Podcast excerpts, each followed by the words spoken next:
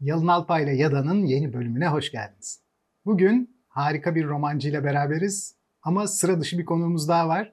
Çünkü pek alışkın olmadığımız üzere bu kez romanın baş kahramanı da bizimle birlikte.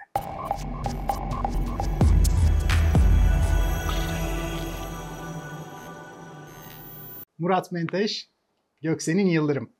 Hoş geldiniz. Hoş bulduk. Hoş bulduk. Nasılsın Murat? Gayet iyiyim efendim. Sizleri sormalı. Seni görmek bana her zaman mutluluk veriyor. Sayende Göksen'inle de tanışmış olduk. Son buluşmamızda bir baktım ha içeri Göksen'in girdi yarım saat sonra. Harika bir insan o da. Bugün daha iyi tanıyacağız seni Göksen'in. Ki yani artık aslında üzerine kocaman bir roman var. Zaten buradan okuyacaklar. Ama bir de roman kahramanının kendi ağzından maceralarının bir kısmına tanık olacağız bugün. Murat senin son romanın Evet. Ve araya Derde Deva Randevu gibi iki tane kitap da almıştın. Ama biliyorum ki asıl senin baskın olmak istediğin yer romanlar. Evet. Ne diyorsun? Bu romanda birazcık tarz değişikliği var gibi. Diğer romanlarına göre kurgu, gelişme, e, gerçek bir kahramanla çalışma, kurgul alandan çıkıp gerçekliğe yönelim. yönelim. E, Bana bazı değişiklikler gösteriyor. Zaten üzerine biraz sonra konuşuruz. İlk başta senin bir görüşlerini alalım. Valla gerçeğin ne olduğu çok tartışmalı zaten. Yani gerçek nedir? Gerçeklik nedir? Gerçeklik hissi nedir? Bunlar aslında hepsi ayrı ayrı şeyler. Edebiyatta gerçeklik hissi tutarlılıktan doğar. Yani bir olaylar dizisi vardır ve onların birbiriyle ilişkileri vardır. Hayat aslında gerçeklik hissi bakımından zayıf bir yapıdır. Yani garip bir biçimde kurmaca eserler hayatın kendisinden daha çok karakter itibariyle yani yapısal itibarla gerçeğe daha yakındırlar. Şimdi biz gerçeği ölçemiyoruz, tanımlayamıyoruz ve gerçeği yönetemiyoruz aslında. Gerçeğin bazı parçalarını yönetiriz ve ya da gerçeğin bazı parçaları üzerinde işlem yaparız ve sonuçta ortaya bir yapı çıkar veya bir durum çıkar ve biz ona adapte oluruz aslında. Yani yoksa diyelim ki evrim sürecini ya da meteorolojiyi yani veya daha birçok şey yani diyelim ki dünyanın dönüşün dönüş hızını vesaire e, ya da açısını biz ayarlamıyoruz. Otların ne hızla büyüyeceğini kontrol edemediğimiz çok fazla şeyin. Daha doğrusu fazlasıyla kontrol edemediğimiz, çoğunluğunu kontrol edemediğimiz bir yapı olarak var gerçeklik.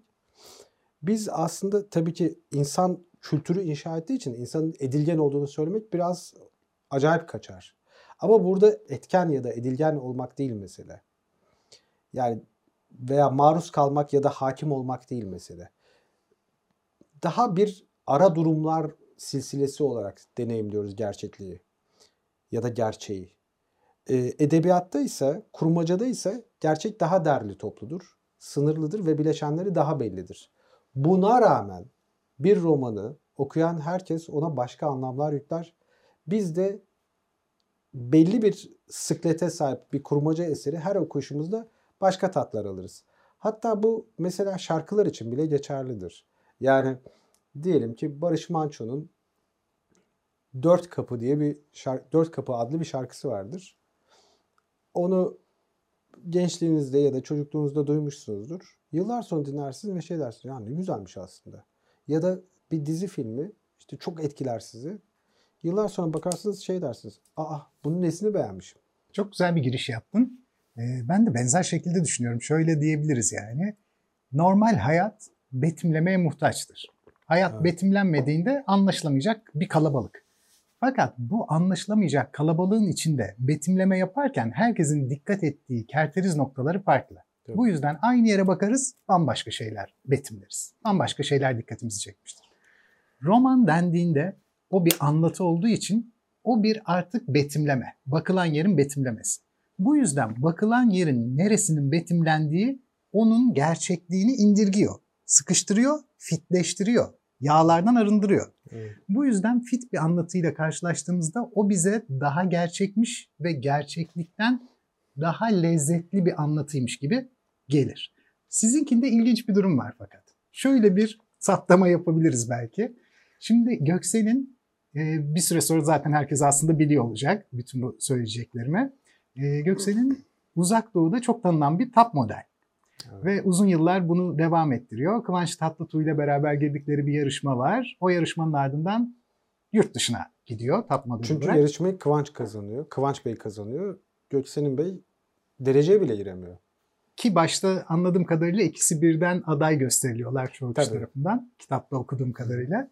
Ee, sonra uzak doğuda böyle muhteşem ışıltılı bir yaşam. Fakat bu yaşama başlarken Göksel'in henüz çok genç. 20 yaşlarında, 20-21 yaşlarında. Ve kafasında Murat Menteş romanları çerçevesinde bir dünya okuması var. Hı. Yani o romanlar çerçevesinde betimleme benzerliği kuran bir hayat tasarımı var. Bu yüzden şöyle bir düşüncem var. Murat Menteş'in hayata bakarak betimlediği bazı metinler var. Göksel'in oradaki ünlü top model ismiyle Göko. Göko bu romanları seviyor ve hayatı bu şekilde okumak onun hoşuna gidiyor. Metni hayata tercüme ediyor Göko. Belki 20 yıl boyunca Hı. o metinlerdeki gibi bir hayat yaşıyor. Böylece kendi yaşamının türevini alırken Murat Menteş romanının da türevini alıyor. Sonra daha ilginç bir şey oluyor. Göko İstanbul'a geliyor. Ve bir imza gününde Murat Menteş'in yanına geliyor. Ben sizin kitaplarınızla işte böyle bir hayat sürmemde bana bir kaldıraç vazifesi gördü. İşte sizi seviyorum. Kitabı okuyanlar belli yerlere de görecekler. Bu sefer Murat hayatın türevini aldığı anlatısının türevini alan bir bireyin ona kendi yaşamının türevini alarak anlattığı hikayelerinin tekrar bir türevini alarak yeni romanı Fink'i yazıyor. Fink türev üzerine türev bir evren ama bu kez Murat kendi hipotezlerini turnusol kağıdı olarak bir tap modeli kullanıp yapıyor. Bu hipotezin bulgularının raporu. Dolayısıyla bana çok ilginç ve eee, kışkırtıcı geliyor. Hı. Kitabın içi de zaten kışkırtıcılık ve sansasyonelliklerle dolu. Çünkü Göko buradan yola çıkıp bunu gerçek hayata tercüme ediyor. Göko başına acayip şey, şeyler geliyor. Hı. Ve şöyle diyebiliriz. Başına gelenlerde genellikle edilgensin. Yani o olayların başına gelmesi için bir çaban yok. Sadece o olayları bir şekilde göğüslüyorsun. Ve bulunduğun konum tam Murat Menteş romanı kahramanlarının bulunduğu konumlara benziyor. Çünkü net bir tipolojin var. Aşırı yakışıklısın, işte herkesin böyle gözü sende. Ee, en ünlü markalar için çalışıyorsun. İşte sürekli en top model kim varsa o dönemde. İsimleri şimdi unuttum. Ama yani okuduğumda benim de tanıdığım isimlerdi. Ee, hepsiyle bir aradasın. Böyle bir ortamda bulunmana rağmen içeriğin tipolojinden farklı. Bir kere dini inançların yoğun o dönemde. E, muhafazakar yaklaşımın var. Çok uzun süre bakir olarak hayatını sürdürüyorsun.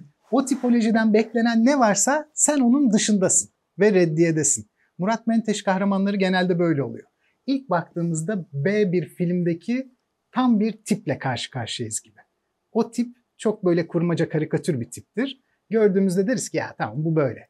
Murat Menteş bize önce o tipi betimler ardından o tip o tipten beklemeyeceğimiz her şeyi yapar. Sen mükemmel bir gerçekleşmesisin o tipolojinin. Kırılan tipolojinin. Murat'la romanlarıyla kendi hayatındaki ilişki nasıl başladı? Okuyarak. Güzel işte romandaki yoku başladı. Okuyarak. Oy. Nasıl hangisiyle başladı? Va- şey çok hoşuma giderdi. İşte e, ilk romanı ile zaten başladım. Dublörün dilemmasıyla. Dublörün dilemasında Albino aslında beni yansıtıyordu karakter olarak. Bana yakındı tarz olarak. E, o süre zarfında da zaten Sofyan'la da tanıştım. Sonra ben kendimi hani filmde de izlersen olur ya iyi bir filmi. "Aa, bu tip bana benziyor. Hani Ha, karakter evet, olarak. Yani özdeşleştin. bu da dersin ki ya bu da yakın arkadaşım falan dersin. Film hoşuna Evet, giderse. doğru. Şimdi kitapta da okuyunca da o da diyorum ki ha bu diyorum Sofyan diyorum. Öyle bir benzetmeyle başladı aslında hikaye. Ama dediğiniz gibi çok güzel betimlediniz olayı. İlk tanışma anınızı anlatıyorsun romanda. Hı hı. Burası da çok ilgi çekici.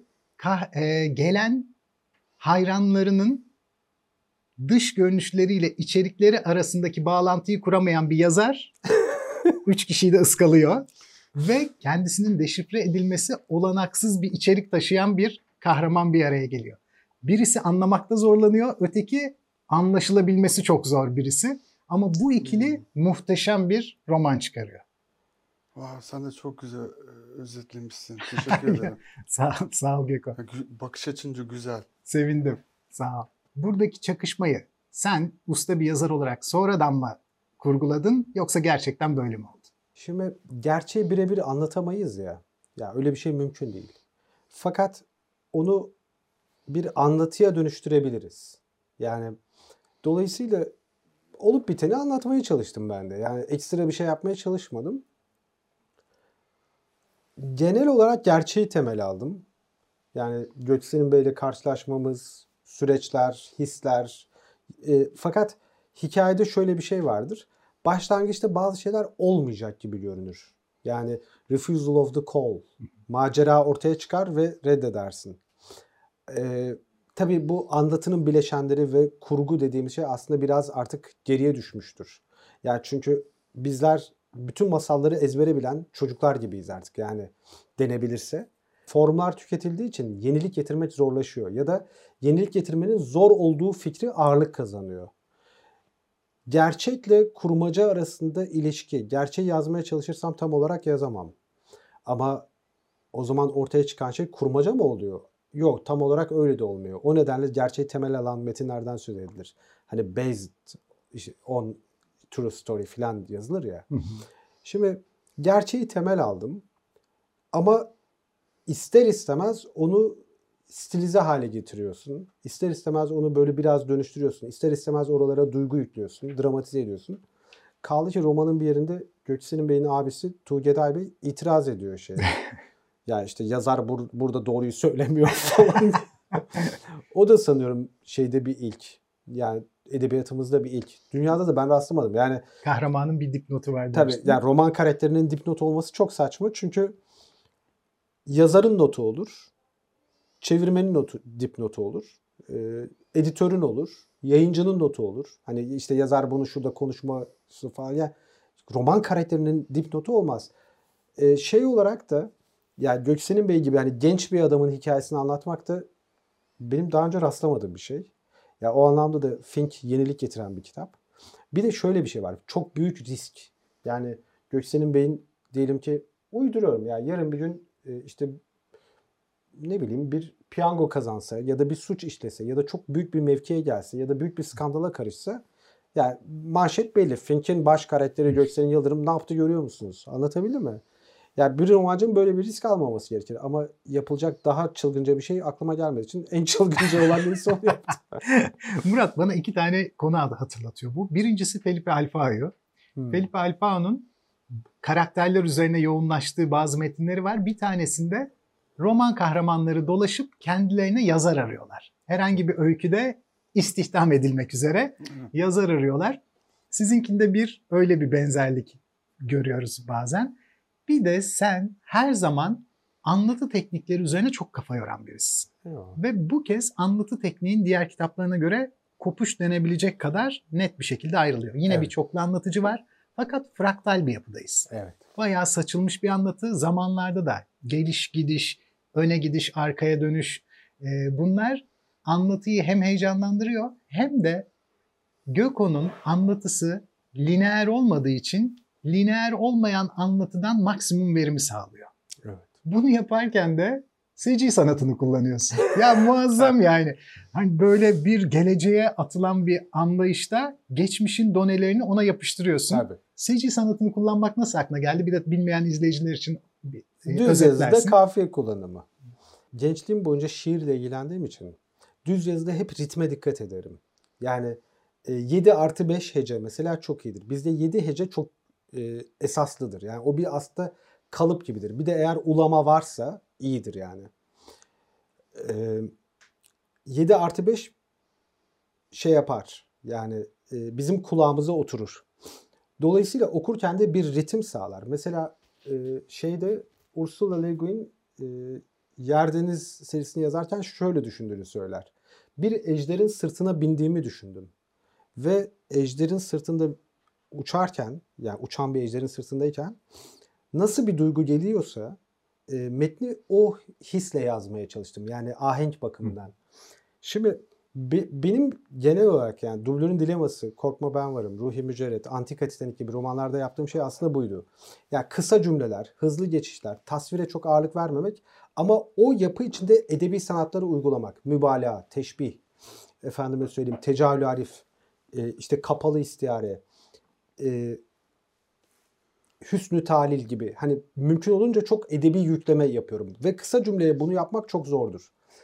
Dolayısıyla e, hep böyle bir ritim duygusu vardı bende. Böylece metin hız kazanıyor. Yani daha kolay okunuyor. Karmaşık bile olsa veya karmaşık fikirler içeriyor bile olsa. Orada bir e, tasvirde sıra dışılıklar bile olsa insanlar e, metni hızlı okuyorlar. Şimdi daha hızlı ne olabilir? Hani işte bir yedek motor daha takalım falan gibi düşünürsek bu sefer e, biçimsel bir sanat olan seciye yöneldim. Mesela abartı sanatı, mübalağa sanatı aslında kavrayışı sıkılaştıran bir sanattır. Ve o semantik bir etki uyandırır. Yani anlamsal bir etki uyandırır. Ama seci aslında biçimsel. Fakat yine tümüyle biçimsel olmuyor. Çünkü kafiye getirdiğiniz zaman e, söze e, o anlam da daha enteresan bir yankı veriyor. Evet. Anlatabildim mi? Dolayısıyla e, bir de bu manyaklığı bütün romana yaymak. Daha doğrusu bunu bütün romana yayma manyaklığı. Bir de bu var.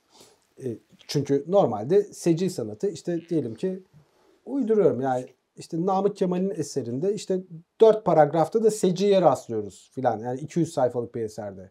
Sen 300 sayfalık bir kitapta baştan sona kafiye gözetmek nedir? Yani aklını mı kaçırdın? Sadece kafiye değil ama ritim de. Yani Kesinlikle. 7 artı 5, e, efendim söyleyeyim 11 hece, bazen 8 artı 5, 7 artı 7. Yani e, bu, bu tür ritim gözetmek iyi oldu. Editörüm yani kitabı okuyan editörlerimden ilk editörüm Seçkin Bey şey dedim. Kitap gözüme yapıştı. yani hani bırakamadım falan gözüme. Ya bunlar tabii şey e, aslında okumakla ilgili, edebiyatla il- bağ kurmakla ilgili sevinçli durumlar. Yani hızlı akıyor, güzel akıyor. işte beni kendine bağladı. E, çünkü yakalayıcılık ve sürükleyicilik aslında önemlidir. Ya da cazibe ve etki. Yani tamam sürükleyici ama işte kapattığında geriye bir şey kalmadı. Mesela tabii bunu da, bu da izaha muhtaç. Belki de sen bir şey alamadın o ayrı.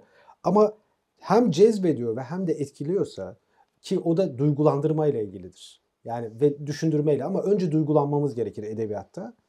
Burada duygulanma deyince biz genelde daha önemsiz bir şey zannedebiliriz. Öyle değil. Bir metnin insanı duygulandırması gerçekten çok zordur ve önemli bir şeydir. Şunu fark ederiz. Ucuz duygulandırma diye bir şey var. Yani ajitasyon dediğimiz. Yani romana şöyle başlarsanız bu olmaz. Annemi tüp gaz faciasında, babamı trafik kazasında kaybettim. 11 yaşındayım ve sokaklarda işte izmarit topluyorum falan. Hani bu ucuz duygulandırmadır. Ama insanın kendi yaşam deneyimleriyle bağ kurarak üzerinde düşündüğünde e, böyle üstelik de yeni yeni bir his. Vay be hakikaten derinlerde bunlar oluyor dedirten bir his getiriyorsa müthiş oluyor tabii ki o. Şöyle bir şey.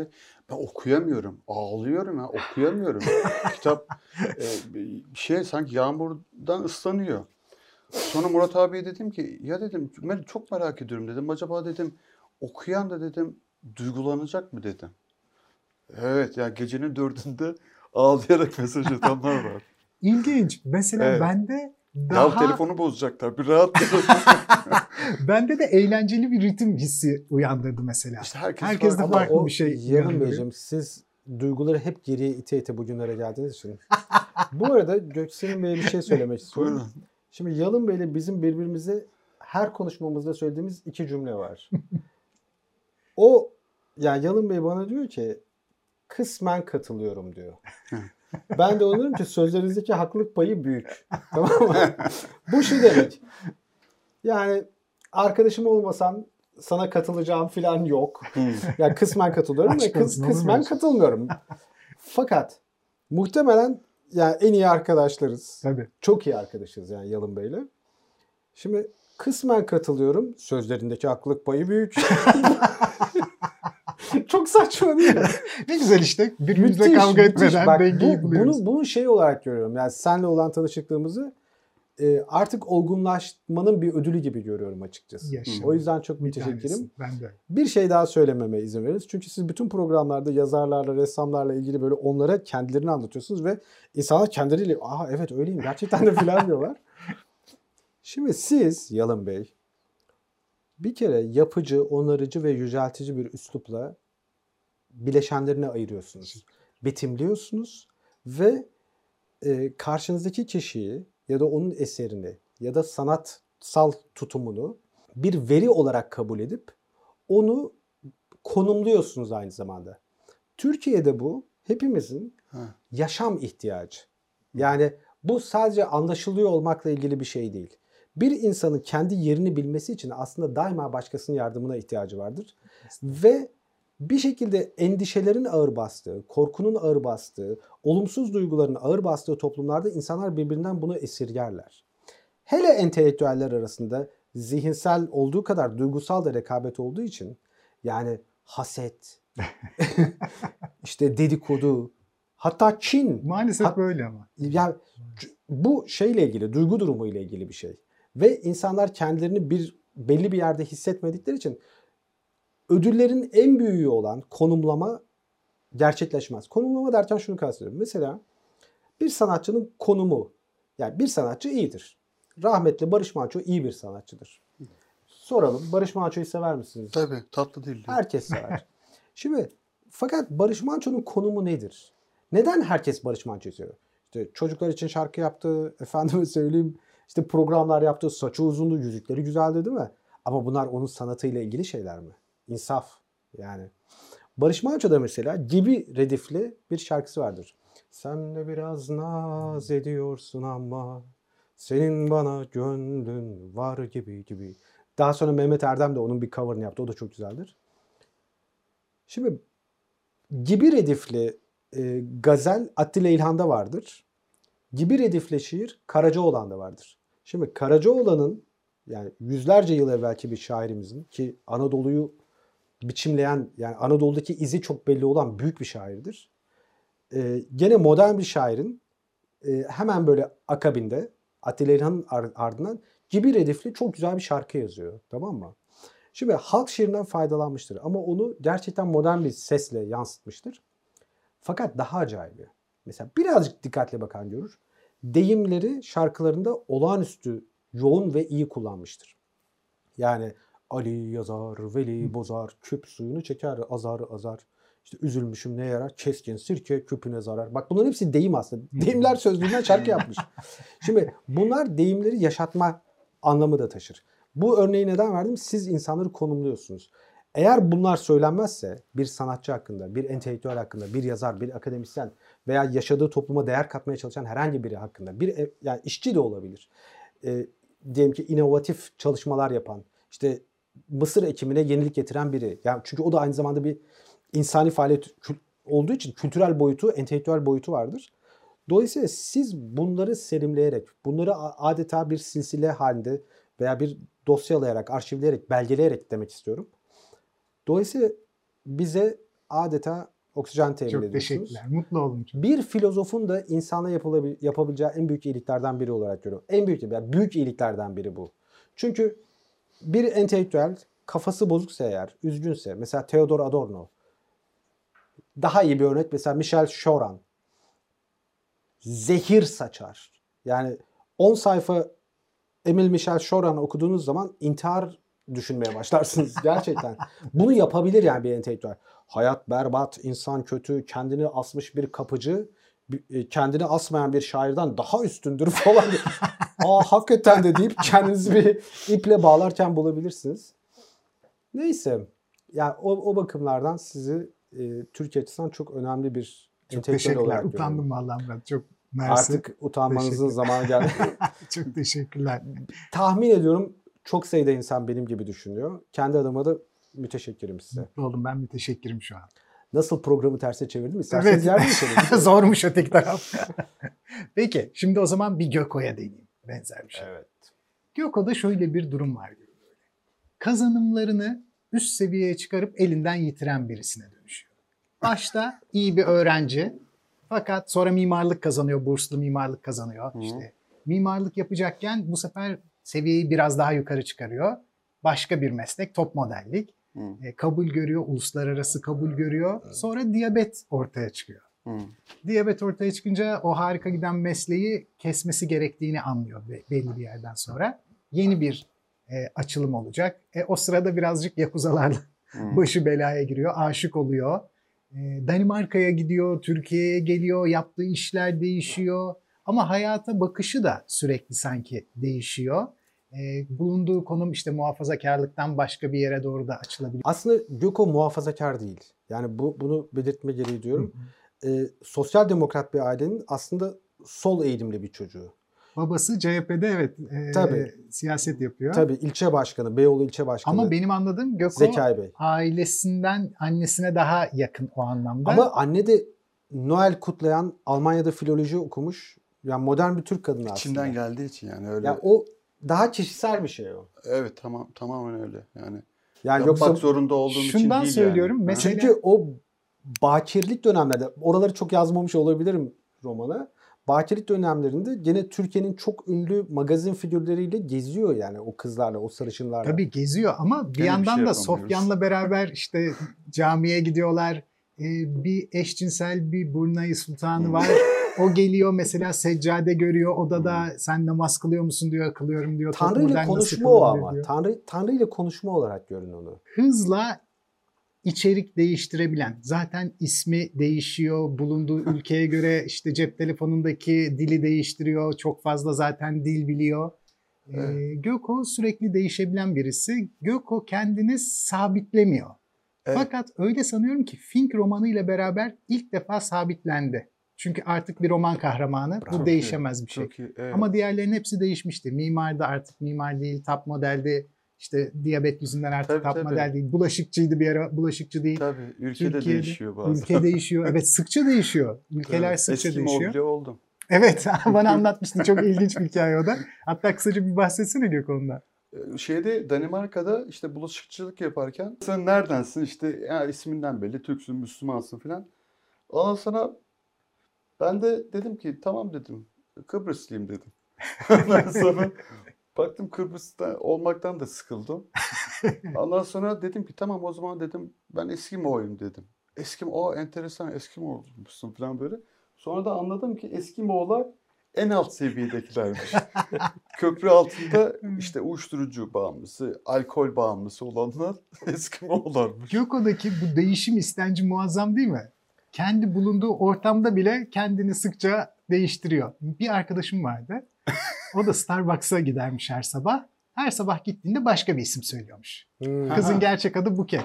Her Ha. gün başka bir isim Kahvenin- söylüyormuş. Kahvenin üzerine yazılması için. yazılan. Bir sabah yine gelmiş bir isim uyduracakmış. Birazcık böyle takılmış. Çocuk da şey demiş. E Buket Hanım bugün kim olacaksınız? Oo, çok güzel. evet. Şimdi Göku'nun da böyle bir sabitleyicisi var. Göku artık bir roman kahramanı, bir menteş kahramanı ama bir yandan da kendisi. Bir sabitleme var. Çok ilginç bir kariyer. Yurt dışında çok tanınan bir top model ve yurt içine gelene kadar başından B tipi bir filmde ne sansasyonellikler geçiyorsa Göku'nun başından hepsi geçiyor. Bu B filminin karakterinin başından geçen her şeyi bu kez bir de derinlikli bir şekilde Murat Menteş anlatısından okuyacaksınız. Çok sansasyonel bir roman hakikaten. Ben de okurken oldukça kışkırtıcı buldum her yeri. Çok sansasyonel buldum. Çok harika zaman geçiriyorum kitapla beraber. Her zamanki Murat kalitesi Gökku sansasyonelliğiyle birleşince ortaya bomba gibi bir film çıkıyor. Ee, Bu şimdiden arada- zaten kaçıncı baskıda? 40 bini geçti sanırım satış. 42 bin oldu. İnanılmaz. Daha bir hafta mı oldu? 10 ne gün. kadar? İnanılmaz. Yani bu da benim açımdan ümit verici. İyi kitapların satılabildiği bir Türkiye hepimizi birazcık rahatlatıyor. Normalde bir karakterin bir hedefinin olması gerekir. Yani bu klasik anlatılarda ister roman olsun, ister dizi olsun, ister sinema filmi olsun bir hedefi olması lazım. Bu basit olabilir, karmaşık bir hedef ya da zor bir hedef olabilir ama genelde bu hayatta kalmak gibi ya da işte filanca kızla yakınlık kurmak gibi hedeflerdir ya da mesleğinde başarılı olmak gibi. Göku'da bu yok. Evet. Doğru. Yani Maalesef. daha acayip bir şey söyleyeyim. Siz dediniz ya Gökü e, zaten bir Menteş karakterine benziyor. Menteş karakterlerin genelde pek bir hedefleri olmaz. Kendi yazdıklarım üzerine çok düşündüm. Yani aslında bir karakterin hedefinin olması nedir? Diyelim ki çöp kovasını 7 kat aşağı indirmek de bir hedeftir.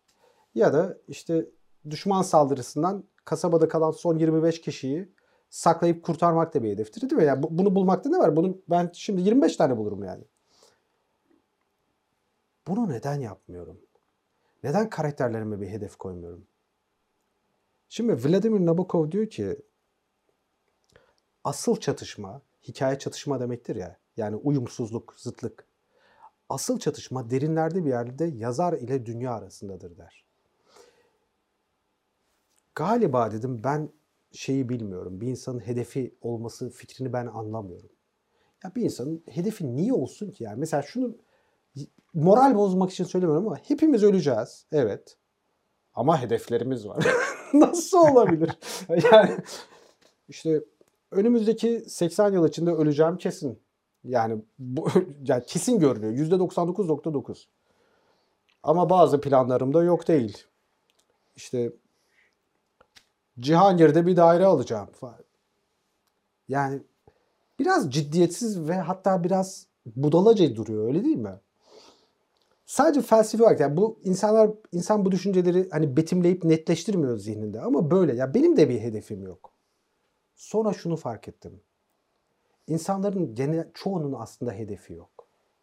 Bizim hedef zannettiğimiz şeyler arzu ya da hedef, heves falan filan da değil. Onlar da vardır. Hedefi olan da vardır. O ayrı. Hani insanın şeyde bile hani bugün 10 bin adım hedefliyorum falan gibi hedefleri bile oluyor. Böyle saçma şey olmaz. Ama dönelim. Biz aslında diğer insanlar arasında görülebilir olma imkanı getirecek şeylere yöneliyoruz sadece. Hepsi bu. Bunun dışında da bir hedefimiz yoktur. Mahcup olmama, küçük düşmeme, utanmama veya utandırılmama, horlanmama, aptal yerine ya da hain yerine konmama gibi arayışlarımız oluyor ve ona yap- göre yaptığımız ayarlamalar oluyor. Bu bir. İkincisi de e, Fink'teki genel hikayede olduğu gibi aslında hepimiz maruz kalıyoruz. Yani uzak doğu filmlerinde böyle ta- özellikle tarihi filmlerde binlerce ok kaleye doğru akar ya. Instagram mesajları, WhatsApp bildirimleri, Facebook'ta dedem ne yazmış, işte Twitter'da neler dönüyor. Ya şöyle şeyler oluyor mesela. Daha yeni çocuğa telefon ettim. Oğlum dedim evinde misin? Evet. Fırtına çıktı. Güvende misin? Ha Twitter'da gördüm. şimdi şimdi şehrinde fırtına çıkıyor. Ölenler var. Motosikletler köprüden uçmuş. Otobüsler devrilmiş. Twitter'da gördüm filan. Yani bö- böyle böyle bir dünyadayız. Twitter fırtınadan daha hissedilir bir şey. Anlatabildim mi? Ama bununla birlikte çok fazla şey maruz kalıyoruz. Ee, şeyde Marshall McLuhan'ın filan e, yazdıklarında şey vardı. İşte bir çocuk günde 18 bin mesaja maruz kalıyor. Ya da işte ortalama bir modern birey. Günde 18 bin iletiye maruz kalıyor. Yani gördüğümüz tabelalar, karşımızda yanıp sönen şeyler, işte bu diyelim ki bardağın üzerindeki amblem vesaire vesaire. Sonra şöyle endişeler, işte Neil Postman gibi yazarlar şunları yazdılar. Bir çocuk işte diyelim ki 5 yaşında bilgisayar oynamaya başlıyor ve 18 yaşına geldiğinde 50 bin cinayet işliyor şeyde. 50 bin kişi öldürüyor. Tamam mı? Ya da işte kendi ailesi de dahil bulunduğu kasabadaki nüfus kadar insanı öldürmüş oluyor falan. Ve artık hayata atılabilirim. 18'imi doldurdum falan. Şimdi bunlar büyük endişelerdi. Bu kadar mesaja maruz kalmak, efendim mesela bu kadar çok şiddet provası yapıyor olmak. Sonra baktık ki hiçbir şey olmuyor. Gene hepimiz böyle oturuyoruz. Ya işte bireysel silahlanma, işte niye böyle oluyor, dünya kirleniyor falan. Gene biz oturuyoruz. Yani bir, bir süre sonra insan buna adapte oluyor. Çok garip bir şey bu. Ama şu oluyor. Galiba adapte olmuyoruz da Yalın Beyciğim. Uyuşuyoruz. Yani uyuşma derken uyum, karşılıklı uyum sağlamayı kastetmiyorum. Uyuşukluk anlamında. Yani uyuşturucu etkisi yapıyor bu. Ve bence e, yani kahramanın hedefi konusunda söylediğim şey ve maruz kalınanlar karşısındaki pozisyonumuz anlamında söylediğim şey. Sanıyorum romanda çok farkında olmadan ve bir yanlış gibi görünen ama aslında isabetli ol- olarak yaptığım şey bu. Yani çünkü yazarken ben biliyorum kahraman bir hedefi olmalı. Olmuyor hedefi. Sadece ya ruhi mücadele tamam ölmek ya artık hayırlısıyla ölsem diye düşünüyor mesela. İşte Gökü arada bir ya işte şu kızla dans etsem ya da işte hay Allah yanlış bir şey yapmasam gibi şeyler. O arada yakuzalar peşinde. Ya da işte ya şu kız da güzelmiş ha kaplan geliyor filan. Yani daima maruz kaldığı şey yöneldiği şeye kıyasla daha baskın. Evet. Fink de böyle. Fink'te böyle ve aslında bütün romanlarımda böyle. Yani çocuk mesela Nuh Tufan işte filanca kızla yakınlık kurmak için Dilara Dilema ile yakınlık kurabilmek için ne yapıyor? İşte öbür adamın yerine geçiyor. Ama onun yerine geçtiği için o adamı yani Ferruh'u öldürmek isteyenler bu sefer onu Ferruh zannettikleri için onu öldürecekler. Yani bir kızla ahbaplık kurmak değildir. Yani sadece bunu istiyor ama ölüm tehlikesi. Anlatabildim mi? Çok güzel bir yere temas ettim Murat. Şöyle diyeyim.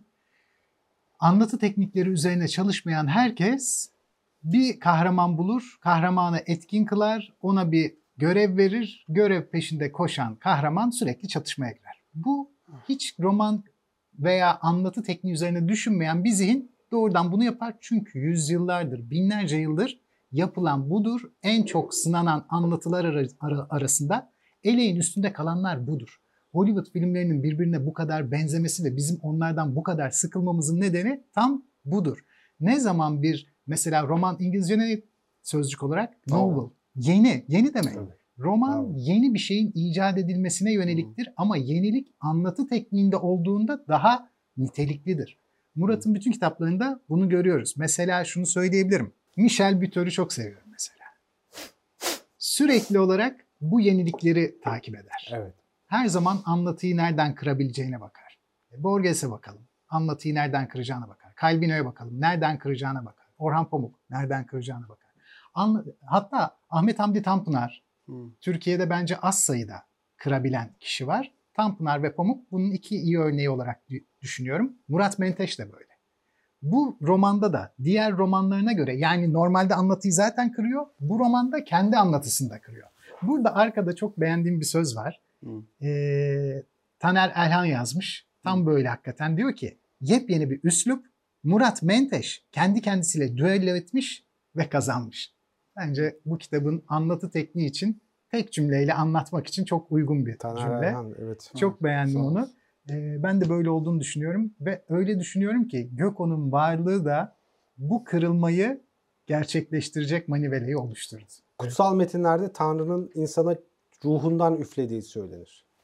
Bu garip bir biçimde bizim kendi aramızda da tekrarlamamız gereken bir şey bence. İnsanların birbirine ruh üflemesi. Bunu mesela sanatçılar yaparlar. Ya diyelim ki Yahya Kemal şey dediği zaman sana dün bir tepeden baktım Aziz İstanbul. Mesela bu İstanbul'a ruh üflemektir. Ya da işte Süleymaniye'nin varlığı. Çok Öyle bir şey inşa ediyor ki orayı ruh üflüyor. Dönersek eğer şöyle bir şey oluyor. Şimdi diyelim ki Nuh Tufan adlı bir karakter yazdım ben. İbrahim Kurban adlı bir karakter yazdım. Refik Risk ya da Müntekim Gıcır Bey, Hayati Tehlike, Ruhi Mücerret, Civan Kazanova. Hep de erkek yazmışım. Bu da ayıp bir şey ama yapacak bir şey. Şaka ediyorum. Kadın karakterleri Kadın var, canım karakterlerim de var ama mesela Şifa Şavk çok güçlü bir kadın karakterdir. Şimdi bir karakter yaratıyorsunuz. Yani Geppetto'nun Pinokyo'yu yontması gibi. Sonra ona adeta bir ruh üflüyorsunuz. Yani mecazi olarak söylüyorum.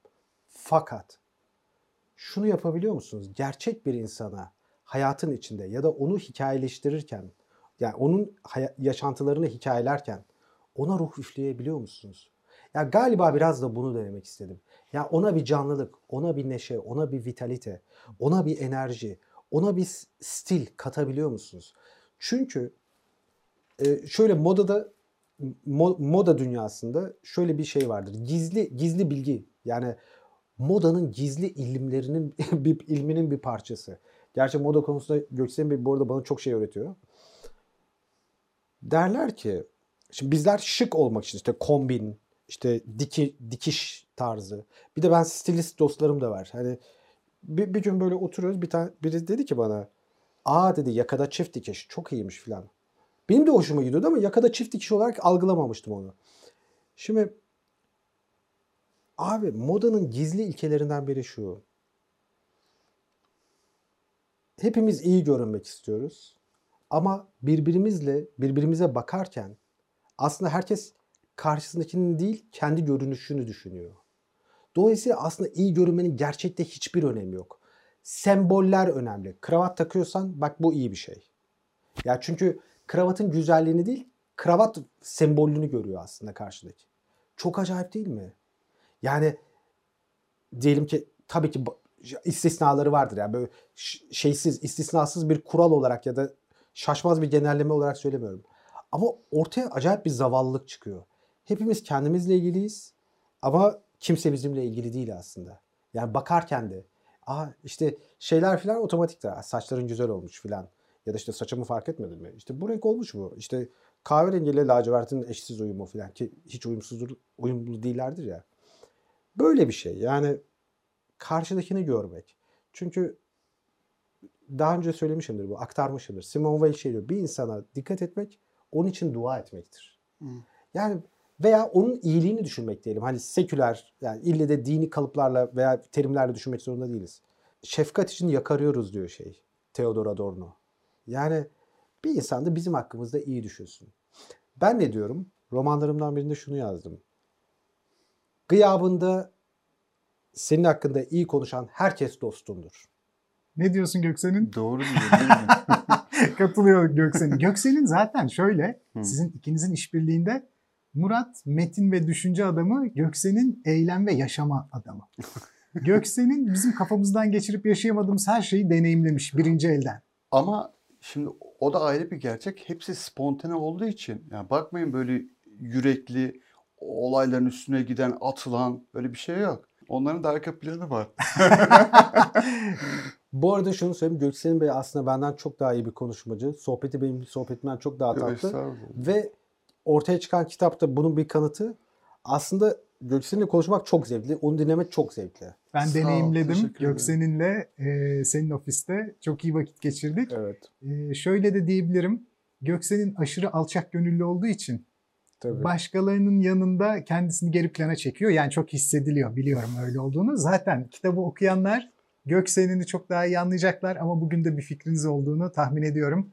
İkinize de çok teşekkür ediyorum. Ne Bu harika kitap için hem kahramana hem yazara İnşallah önümüzdeki programda da böyle iyi konuğum ya da konuklarım olur. Güzel bir konu üzerine konuşabiliriz. Bir sonraki bölümde görüşmek üzere.